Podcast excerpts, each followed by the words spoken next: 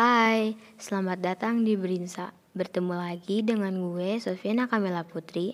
Di segmen kali ini, gue bakal bacain cerita tentang bunga laut Taman Safari Angker dari Destia Putri Lestari. Buat kalian yang gak berani dengerin, jangan dengerin sendirian ya. Gue Destia Putri Lestari, biasa dipanggil Tia. Umur gue 18 tahun, gue sekolah di SMK Kamandaka di daerah Bogor. Gue mau bagi cerita pengalaman horor gue sewaktu gue nginep di Bunga Laut Taman Safari di daerah Puncak yang bakalan bikin merinding. Selama gue dan keluarga gue pergi liburan keluar kota, gue gak ada problem sama sekali di perjalanan. Apalagi kejadian-kejadian yang di luar nalar. Tapi ada satu kejadian yang bener-bener bikin gue merinding dan masih gue inget sampai sekarang. Tapi ada satu kejadian yang benar-benar bikin gue merinding dan masih gue inget sampai sekarang. Jadi awal ceritanya gue sama keluarga gue mau ke puncak. Waktu itu umur gue 9 tahun. Dan gue juga pas itu lagi liburan semester. Makanya gue sama keluarga gue mutusin buat pergi ke puncak karena ada acara dari kantor ayah gue sekalian liburan di tempat itu. Jadi acaranya itu hari Sabtu, gue sama keluarga gue pergi di hari itu juga. Sebelum hari Sabtu, malamnya gue kemas-kemas baju. Soalnya kita sekeluarga sekalian nginep tiga hari karena acara dari kantor ayah gue nya juga tiga hari. Lanjut cerita, keesokan harinya gue sama keluarga siap-siap mau berangkat ke puncak. Kita berangkat dari rumah jam 7 pagi, soalnya takut macet di jalan. Waktu di perjalanan, gue sekeluarga nyanyi-nyanyi dalam mobil sambil bercandaan gitu. Hitung-hitung ilangin suntuk dalam mobil. Dan akhirnya kita udah sampai di Sarua. Kebetulan juga udah waktunya jam makan siang. Akhirnya kita makan siang di Cimori Mountain View.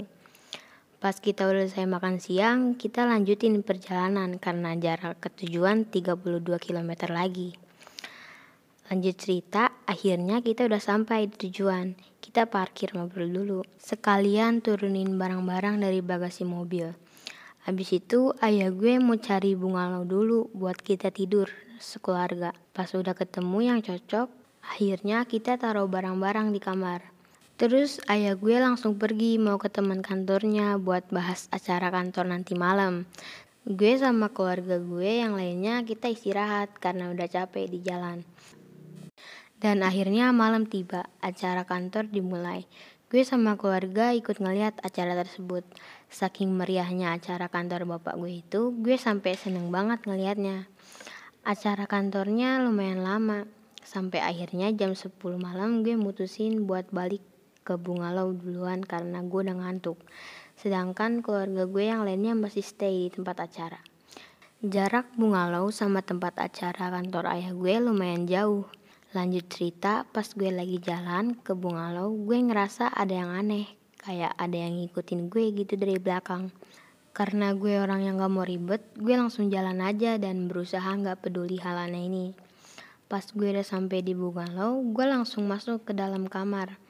Berhubung bungalaunya luas banget karena buat satu keluarga, otomatis gue jadi sendirian. Terus gue masuk ke kamar mandi buat bersih-bersih badan. Pas udah keluar dari kamar mandi, gue kan mau pakai baju. Tapi tiba-tiba lemari bajunya kebuka sendiri.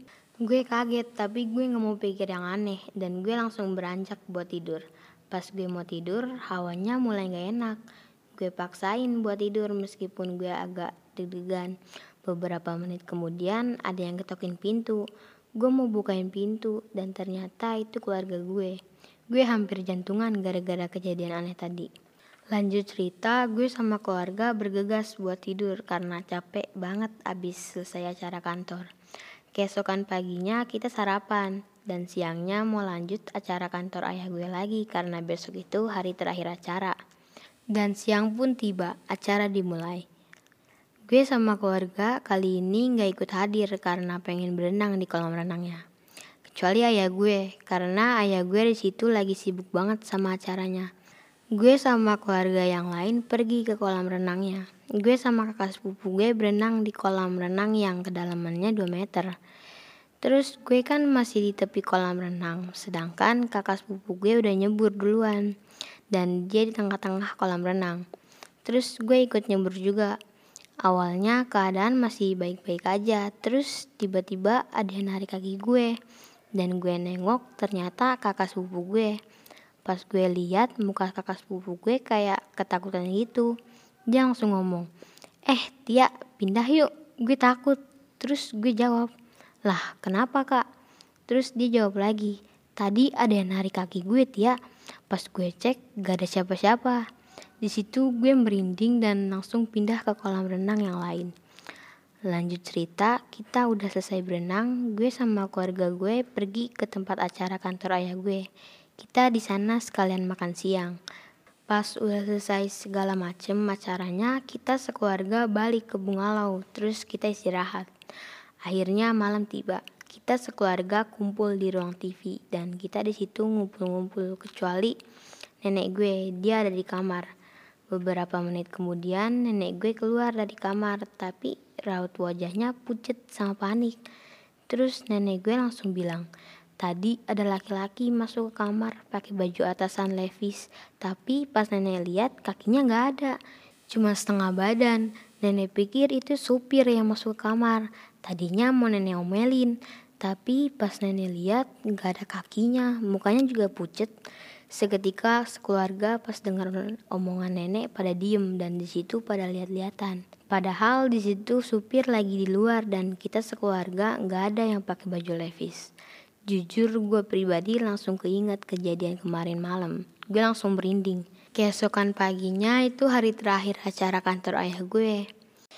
Keesokan paginya itu hari terakhir acara kantor ayah gue. Kayak biasa kita ikut hadir di acara itu. Dan keadaannya biasa-biasa aja. Acaranya udah selesai, malamnya kita langsung pulang. Pas kita udah sampai, kita langsung istirahat. Lanjut cerita, pas liburan semester gue udah beres, kita kan semua masuk sekolah. Ada teman-teman gue lagi pada ngumpul. Kebetulan ada temen gue yang namanya Agista, dia cerita tentang bungalau yang gue liburan kemarin. Terus dia bilang bungalau yang dia tempatin juga ada kejadian horor.